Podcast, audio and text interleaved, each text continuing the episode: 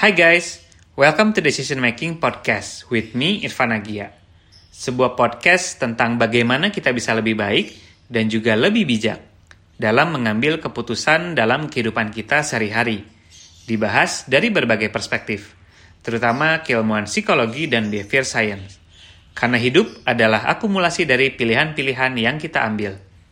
Summary dari setiap episode di podcast ini akan selalu gue share di fitur Insta Stories jadi, nanti bisa cek aja di Instagram at irfan underscore agia. Nah, di episode ke-71 ini, kita bakal bahas topik tentang sandwich generation. Ini mungkin topik yang teman-teman pernah dengar atau pernah bahas juga ya di lingkungan teman-teman sendiri atau di berbagai media juga udah banyak yang ngeliput tentang sandwich generation ini. Bahkan di luar pun juga ini adalah fenomena yang banyak dikaji juga karena memang dirasakan banyak sekali dampaknya oleh generasi-generasi, uh, terutama mungkin teman-teman yang mendengar ini juga bisa jadi salah satu bagian dari sandwich generation ini.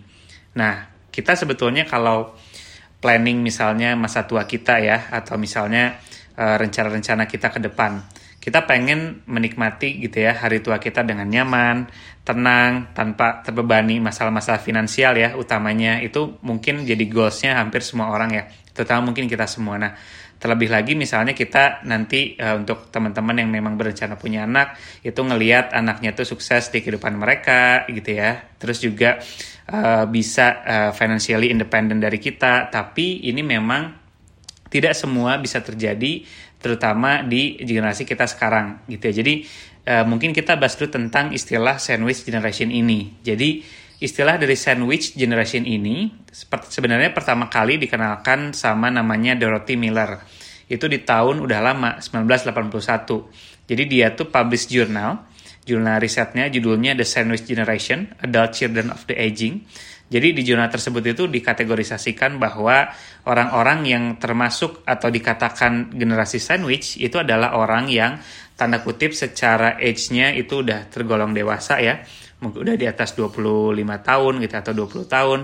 Tapi mereka itu menanggung uh, kurang lebih uh, tiga ya tiga uh, kasarnya tiga generasi gitu ya. Jadi menanggung hidup anak-anaknya nanti kemudian menanggung hidup diri dia sendiri sama menanggung hidup dari orang tua mereka. Jadi itu istilahnya kenapa dinamain sandwich karena dia itu di tengah-tengah tapi dia harus tanda kutip atas bawah tengah itu harus dia hidupi uh, finansialnya gitu. Jadi bayangkan ini secara spending berarti dan savings ya eh, orang-orang uh, yang termasuk dalam generasi sandwich ini harus bisa uh, memaksimalkan atau bahkan mencari puni-puni finansial mereka untuk mencukupi ketiga generasi tersebut gitu. Jadi uh, riset tentang sandwich generation ini sebenarnya udah banyak ya karena ini fenomena yang nggak cuma di Indonesia aja tapi di luar juga uh, sama ya serupa gitu. Jadi ada riset dari uh, online life insurance agency namanya Heaven Life. Di mereka itu ngelakuin studi kualitatif ya, interview sekitar uh, 1078 partisipan yang dia self identify sebagai uh, sandwich generation yang nge-provide caring untuk orang tuanya, untuk anak-anaknya sama untuk keluarga mereka. Nah, jadi dari riset tersebut mereka bilang bahwa orang-orang yang termasuk dalam sandwich generation ini nggak uh, cuma needs help sama financial planning mereka, tapi bahkan cara decision making mereka sampai mental health. Kenapa? Karena mereka ini terbebani sebenarnya nggak cuma sama finansial doang, nggak cuma ya, tapi pasti sama burden-burden yang menjadi beban bikin orang itu jadi merasa aduh saya merasa gagal misalnya nggak bisa membahagiakan orang tua gitu ya mencukupi orang tua yang mungkin sudah lansia ya untuk providing health mereka kemudian ngurus mereka di rumah. Belum lagi misalnya anak-anaknya yang udah memulai masuk sekolah misalnya SD dan bahkan untuk dirinya sendiri juga gitu. Jadi ini beberapa hal yang bikin uh, mental health mereka itu jadi apa ya jadi terbebani gitu ya. Jadi ketika dilakukan riset yang paling mereka butuhkan itu adalah sebetulnya selain financial planning of course itu adalah mental support gitu. Nah kalau dari segi numbers ya di Indonesia sendiri ini sandwich generation ini udah banyak banget gitu ya. Jadi bahkan ada data dari BPS ya, Badan Pusat Statistik di Indonesia, itu di tahun 2017 ya, ini untuk proxy aja sebagai gambaran, itu menemukan bahwa sekitar 77,82 persen sumber pembiayaan rumah tangga lansianya, lansia itu ditopang sama anggota rumah tangga bekerja, which uh, anak-anaknya gitu ya. Jadi bahkan ada juga hasil survei lagi dari survei ekonomi nasional di tahun yang sama itu nunjukin bahwa sekitar 63% itu kaum lansia di Indonesia itu tinggal sama anak cucunya gitu. Jadi ini berimplikasi bahwa uh, ada peran dari generasi yang di tengah ini ya sandwich untuk uh, menghidupi dan supporting juga uh, generasi lansia ini sebetulnya. Nah, jadi kenapa sih di Indonesia itu cukup tinggi ya? Uh, bahkan nggak cukup ya udah tinggi gitu. Orang-orang teridentifikasi dan masuk dalam generasi sandwich. Karena dari culture kita ya culture kita di Indonesia mungkin lebih berbeda dibandingkan uh, di Eropa gitu. Ya contoh misalnya waktu di Belanda kalau di Belanda itu uh, anak yang umur misalnya udah 17 atau 18 itu memang secara secara natural itu uh, udah diperbolehkan dan bahkan di apa ya didorong gitu ya untuk uh, lebih independen. Misalnya keluar dari rumah punya misalnya apa rent sendiri, walaupun uh, belum tentu itu juga jadi apa jadi benefit juga ya. Mungkin setelah mereka lebih independen, tapi mereka juga perlu lebih bisa memanage uang lagi gitu. Tapi that's the culture di sana gitu. Sedangkan kalau di Indonesia sendiri kita secara apa ya, secara culture itu punya strong family and kinship culture ya. Karena kan kita lebih kolektif ya. Jadi bahkan even after marriage gitu ya, kita uh, secara budaya pada umumnya memang masih punya obligasi obligasi atau kewajiban ya untuk take care of our parents, baik itu untuk misalnya emotionally presence dan bahkan juga financially gitu. Dan bahkan beberapa juga uh, ada yang punya merasa punya kewajiban untuk membayar sekolah atau kebutuhan dari adik-adiknya misalnya. Jadi bayangkan sandwich generation ini tuh perlu jadi benar-benar apa uh, tulang punggung lah ya utama untuk uh, tiga keluarga gitu. Jadi uh, ini kalau kita lihat secara numbers ini udah banyak banget ya. Itu aja tahun 2017 gitu. Ini belum diupdate kalau ada terbaru lagi tahun 2021 misalnya. Nah kalau kita berbicara tentang sandwich generation ini sebetulnya faktornya banyak ya teman-teman. Nggak cuma dari culture tapi juga mungkin secara sistemik juga. Uh, kemudian juga apa dari segi yang core-nya adalah uh, literasi atau edukasi tentang financial management gitu. Jadi uh, di sini kita bakal bahas tentang apa aja sih kira-kira langkah-langkah yang bisa pertama itu kalau kita sudah uh, tanda kutip teridentifikasi sebagai sandwich generation apa yang harus kita lakukan? Dan yang kedua adalah untuk memprevent gitu ya. Kita tuh membuat anak kita nanti atau generasi kita setelahnya itu terulang lagi cycle-nya jadi sandwich generation gitu. Nah mungkin di sini kita akan uh, membahas beberapa poin yang mungkin bisa jadi consideration gitu ya atau juga uh, bahkan lebih baik lagi saya jadi action ya yang bisa kita siapin sama-sama gitu ya untuk menghadapi uh, fenomena ini sebetulnya jadi ini juga berkaitan dengan mindset juga ya Eh, teman-teman. Uh, Jadi udah saatnya mungkin generasi kita itu mengubah mindset kita bahwa anak itu bukan kasarnya investasi kita gitu atau celengan lah gitu yang kasarnya banget ya. Jadi anak itu tidak selalu berkewajiban untuk menanggung biaya hidup orang tuanya di masa depan gitu ya. itu adalah salah satu mindset yang mungkin perlu kita pertimbangkan gitu. Karena kita sebagai orang tua mungkin tidak bisa mengharapkan tanda kutip imbal hasil lah ya gitu. Karena uh, kita invest di mereka seluruh biaya gitu ya kewajiban yang sudah kita keluarkan untuk anak-anak.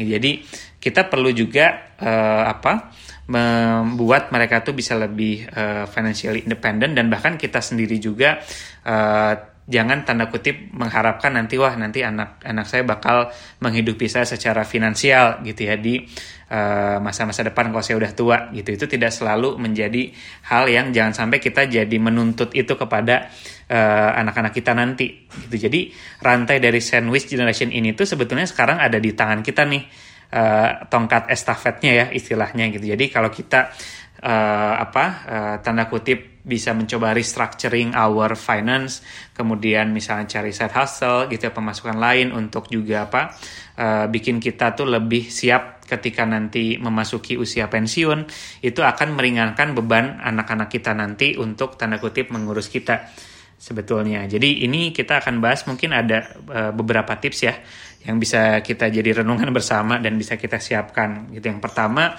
kalau kita uh, first and foremost ya, pertama kali yang harus dilakukan ketika kita sudah identify diri kita sebagai senior generation adalah please take care ourselves gitu ya. Jadi uh, kenapa? Karena kalau kita not in the good emotional atau physical health, kita nggak akan bisa take care for others gitu. Jadi uh, apa uh, prinsip bahwa kita harus menolong diri kita dulu juga nih sebelum kita bisa menolong orang lain. Bahkan orang lainnya ini kalau sandwich generation kan banyak ya orang tua mungkin adik-adik kita kemudian juga apa istri atau suami atau anak kita gitu ya. Jadi kita juga harus uh, memberikan fokusnya pada diri kita sendiri juga gitu. Kayak contoh sleep as much as possible kalau punya waktu luang.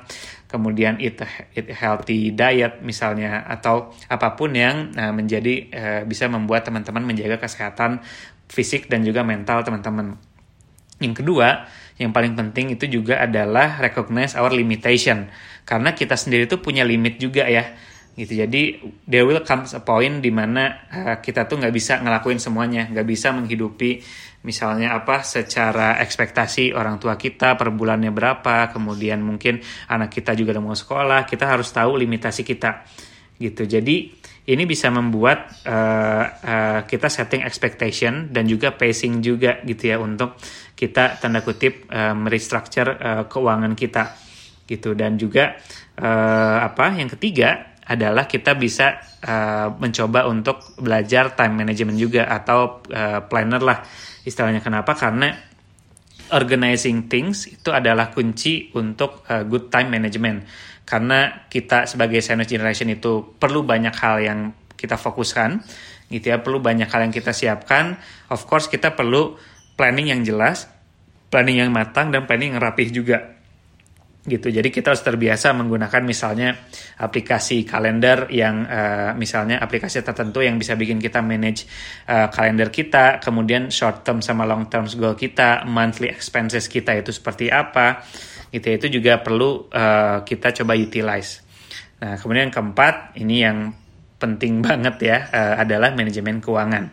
Manajemen keuangan ini uh, actually that's not my expertise but uh, kita bisa learning bareng-bareng gitu ya sudah banyak uh, hal yang atau sumber-sumber yang bisa kita gunakan untuk mempelajari bagaimana kita manage our money terutama mungkin kalau dari sisi psikologi sendiri uh, mengatur pos keuangan itu tuh menjadi penting banget. Karena secara psikologis itu ada namanya mental accounting. Istilah jadi kita mencoba memilah-milah gitu ya pengeluaran kita atau expenses di berbagai pos gitu. Jadi misalnya ada biaya pendidikan anak kita punya posnya sendiri.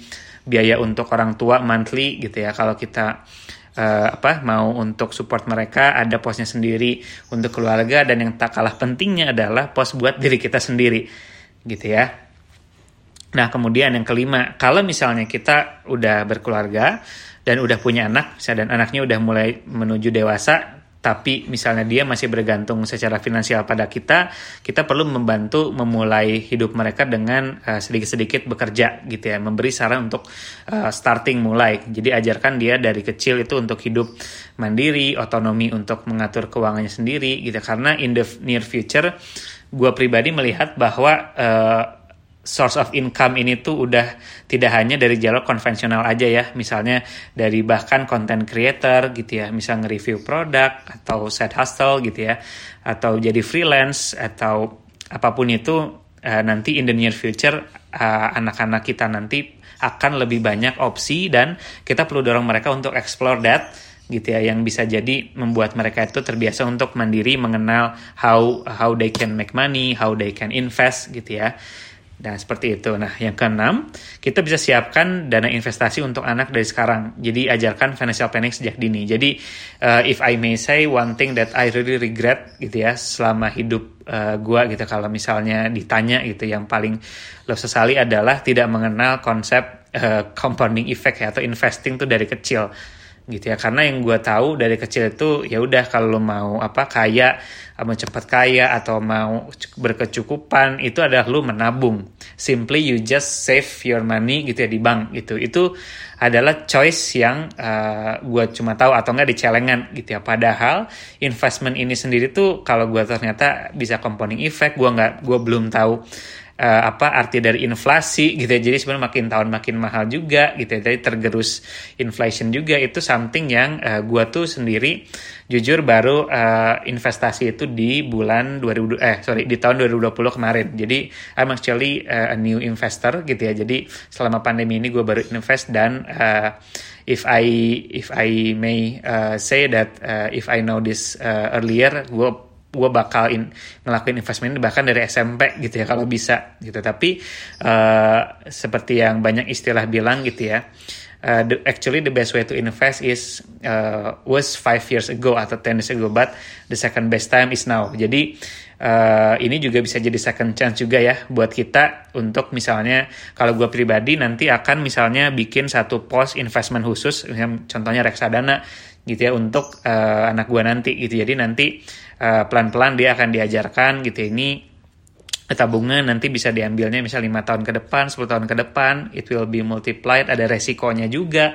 Kita harus mengajarkan juga. Jadi itu adalah salah satu hal yang bisa membekali mereka dan gak cuma dengan apa ya uh, tabungan yang real tapi juga mindset. Itu bahwa nanti hidup kamu tuh nggak cuma short term doang tapi nanti ada mid term dan long term. And you need to be financially secure dan juga disiapkan dari sekarang. Seperti itu. Jadi itu bisa tanda kutip membantu memutus rantai mata sandwich generation. Gitu. Jadi mereka nanti sudah lebih siap dan kita pun juga uh, apa bisa lebih siap lagi untuk dana pensiun kita gitu. Nah, yang ketujuh adalah komunikasi yang tepat, yaitu untuk siapa pun yang jadi tanggungan finansial kita, kita perlu komunikasikan batasan berapa banyak tanda kutip money ya yang bisa kita berikan ke mereka atau support, contohnya setiap bulan gitu ya. Uh, jadi untuk memberikan ekspektasi juga bahwa uh, kita memberikan sesuatu sesuai dengan kemampuan kita gitu. Jadi komunikasi is very very important. Kemudian juga uh, yang kedelapan pastikan punya uh, health insurance juga ya untuk uh, lansia, untuk orang tua kita atau juga nanti anak-anak kita gitu.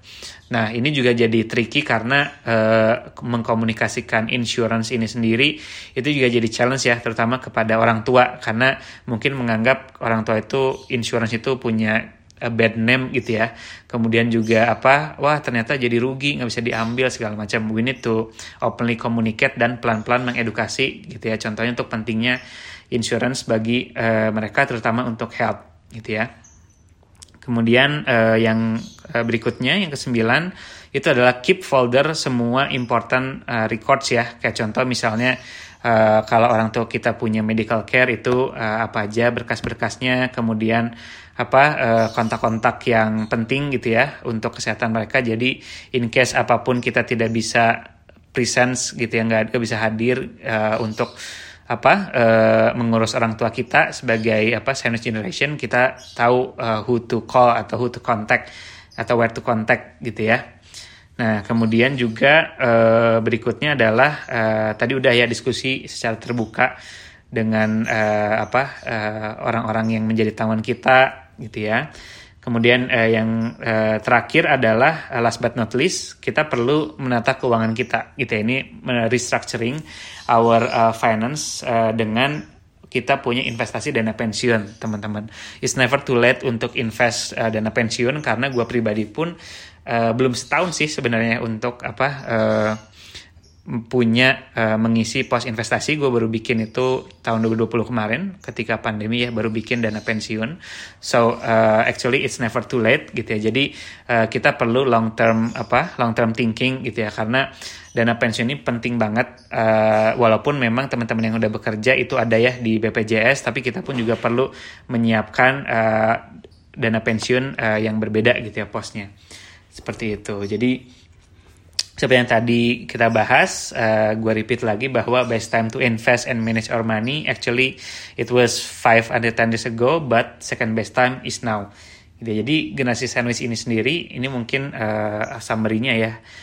Generasi sandwich ini sendiri bisa muncul karena ada orang tua yang tidak siap secara keuangan untuk membiayai pengeluaran bulanan mereka saat pensiun. Jadi mereka membutuhkan tanda kutip bantuan dari anak-anaknya. Oleh karena itu menanamkan kesadaran gitu ya dan kedisiplinan baik untuk kita dan juga nanti untuk generasi berikutnya anak-anak kita sebagai persiapan masa pensiun itu it's a must ya, it's a must uh, banget.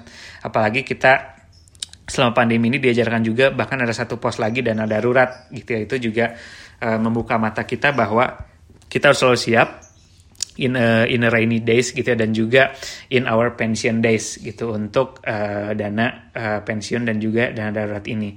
Seperti itu. Jadi kita bisa mulai uh, first step first little step adalah menghitung pengeluaran rutin kita tiap bulannya gitu ya. Kemudian kita bisa tetapkan jangka waktu kita tuh mau pensiun usia berapa gitu ya. Jadi kalau dari beberapa apa data dari BPS ya, usia pensiun rata-rata yang berlaku di Indonesia ini just average ya, itu biasanya 55 tahun. Dan angka harapan hidup orang Indonesia itu bisa 70 sampai 75 tahun. Jadi contohnya misalnya kita mau uh, apa?